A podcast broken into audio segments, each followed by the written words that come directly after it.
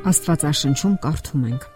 Միթե չգիտես կամ չես լսել, որ հավիտենական Աստված է Եհովան, երկրի ծայրերը ստեղծողը։ Կյանքը պայքար է, եւ հոգեվոր, եւ ֆիզիկական։ Այդ պայքարի մեջ ներգրավված են բոլորը։ Նրանք, ովքեր հայտարարում են, որ իրենք չեզոքություն են պահպանում, չեն պատկերացնում, որ չեզոքություն գոյություն չունի։ Մենք կամ Աստծուն ենք պատկանում, կամ ոչ։ Շատ մարդիկ այսօր չեն հավատում Աստծուն։ Նրանք բնականաբար հրաժարվում են նաև գնալ եկեղեցի եւ պատճառաբանում են նրանով, որ եկեղեցուց դուրս ավելի շատ մարդ կա, քան եկեղեցու ներսում։ Իրականում դա այդպես է։ Մարդկանց մեծ մասը այսպես թե այնպես չի ապրում հոգեվոր կյանքով։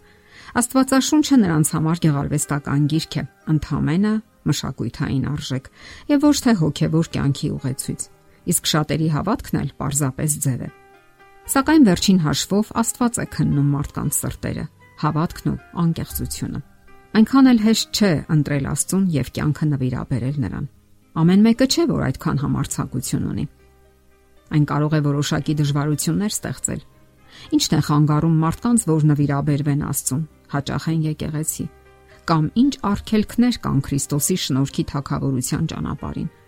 Պատճառներից մեկն այն է, որ հաճախ Հենց կրոնն է մեծագույն արգելք դառնում Աստծո թակավորության ճանապարհին։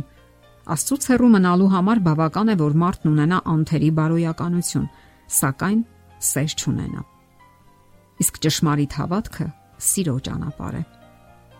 Մարդկանց հավատքից ու եկեղեցի գնալուց հաճախ հետ է պահում այն հանգամանքը, որ նրանք այնտեղ սեր չեն տեսնում։ Սակայն դա էլ պատճառ չէ Աստծո հետ շփվելուց հրաժարվելու համար որովհետև մարդիկ եկեղեցի գնում են Աստծո հետ շփվելու, ինչպես նաև հավատակիցների հետ մի լինելու, միմյանց կարիքները հոգալու համար, միմյանց աջակցելու համար։ Եկեղեցի գնում են մարդիկ, ովքեր գիտակցում են իրենց մեղավորությունը եւ ձգտում են շփվել Աստծո հետ, ստանալ Աստծո շնորհքը եւ վերջապես մտնել երկնային արքայություն։ Մարդիկ հաճախ չեն գնում եկեղեցի, որովհետև ճունեն բավական համարցակություն աշխարհիկ արժեքները թողնելու Իսկ որոնք են այդ արժեքները։ Հարստություն, սոցիալական բարձր դիրք, հեղինակավոր կրթություն, տաղանդներ, ազգություն եւ այլն։ Հաճախ մտածում են, որ այնտեղ գնում են միայն մեղավոր մարդիկ, իսկ ահա իրենք ոչ մի մեղք չունեն։ Սակայն այս բոլորն ի վերջո կարող են ողբերգության վերածվել մարդու համար եւ նա հայտնվի Աստծո թակավորությունից դուրս։ Եկեք մտորենք այն մասին, թե որքան ողբերգություններ են կատարվել կրոնական կյանքում Օրինակ, քահանայապետը։ Նրա կյանքը թվում է նվիրաբերված էր Աստծուն։ Նա կոչված էր մարդկանց սովորեցնելու Աստծո մասին, սակայն ինքը փաստորեն հեռու էր Աստծո թակավորությունից։ Նա մահվան դատապարտեց Հիսուսին։ Իսկ ահա մահվան դատապարտված եւ խաչված ավազակը դարձավ երկնային ընտանիքի անդամ Հիսուսի թակավորական հրամանի համաձայն։ Ավետարանը վկայում է Հիսուսի խոսքերը. Դու ինձ հետ դրախտում կլինես։ Աստվածաբան Սթենլի Ջոնսը այսպիսի միտք է արտահայտել։ Որոշ մարդիկ բավականաչափ քրիստոնեություն ունեն, որpիսի անզգա դառնան իրականության հանդեպ։ Այսինքն որոշ մարդիկ ապրում են տեսական գաղափարներով, սակայն ոչ իրական կյանքով։ Իրական մարդկանց հոգսերի ու ցավերի զգացողությամբ ու կարեկցանքով։ Այդպիսի օրինապահներին էր, որ Քրիստոսն ասաց. Մաքսավորներն ու պորնիկները ձեզանից առաջ կմտնեն Աստծո արքայությունը։ Իսկ ճշմարտությունն այն է, որ եկեղեցին պետք է լինի այն վայրը, որտեղ մարդիկ ճանաչում են Աստծուն, նրա հոգևոր սկզբունքները։ Այդտեղ մարդիկ գնահատում եւ սիրում են միմյանց, ապրում են միմյանց հոգսերով ու դժվարություններով։ Ոչ մի իմաստ չունի, եթե մենք մեր ողջ ունեցվածքը տալիս ենք աղքատներին, կերակրում ենք նրանց, սակայն սեր չենք զգում։ Բոլորին քաչ հայտնի են ավետարանական խոսքերը Եթե մարդկանց եւ հրեշտակների լեզուներով խոսեմ, բայց սեր չունենամ, ես ձայն հանող պղինձ կամ հնչող ծնցղա եղա։ Եկեղեցին պետք է լինի այն վայրը, որտեղ մեր հավատը աճում ու բազմապատկվում է։ Պետք չէ վախենալ ու վեհերել հավատքի համար։ Պետք է համարցակ առաջ քայլել եւ կյանքը նվիրաբերել Աստծուն։ Կարիք չկա վախենալու, որ գուցե չհասկանան մեզ, ծաղրեն, հանդիմանեն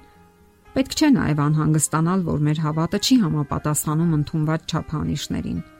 Չափանիշներն ու արժեքները, մեր դավանած կյանքն ու անկեղծությունը միայն Աստծուն են հայտնի։ Ասենք որ Աստված է առաջնորդում եկեղեցին։ Այն Աստվածը, ում համար ոչ մի անհնար բան չկա։ Եթե ես այնտեղ սեր չեմ տեսնում, ուրեմն ինքս պետք է տանեմ իմ սերը, այլ ոչ թե քննադատեմ ուրիշներին։ Այդպիսի հավատքն է, այդպիսի համարցակ քայլերն են, որ կյանքի ամեն պահի եւ մանավանդ կյանքի մայրամուտին հույսով է լցնում մարդու սիրտը։ Այդպես ենք պատրաստվում հավերժական կյանքին, փրկվելով մեր անznական հավատով։ Ոչ մի միջնորդություն, ոչ մի բարեխոսություն։ Մեր միակ միջնորդն ու բարեխոսը Քրիստոսն է։ Հավատքը անznական պայքար է։ Կարիք չկա վախենալու մարդկային սահմանափակ կարծիքներից, ընդունված պատկերացումներից եւ հետաձգել Աստծո հետ փոխհարաբերությունները։ Իհարկե կլինեն դժվարություններ։ Հոգևոր կյանքում դա անխուսափելի է, որովհետեւ Աստծո հակառակորդ ուժը հենց այնպես չի հանձնվում եւ փորձում է մարդկանց շեղել հոգևոր ճանապարից։ Սակայն մեր անznական հավատքը կարող է ուժ տալ եւ ապրեցնել։ Երբեք չմոռանանք, Հավատքի կյանքը կյանք է Աստծո հետ։ Եվ միշտ հիշեք, խիզախներն են հավատում եւ ըստ Աստծո խոսքի ուժեղներն են հապշտակում երկնքի արխայությունը։ Եթերում ղողանջ հավերժության հաղորդաշարն է։ Ձեզ հետ է Գեղեցիկ Մարտիրոսյանը։ Հարցերի եւ առաջարկությունների համար զանգահարել 033 87 87 87 հեռախոսահամարով։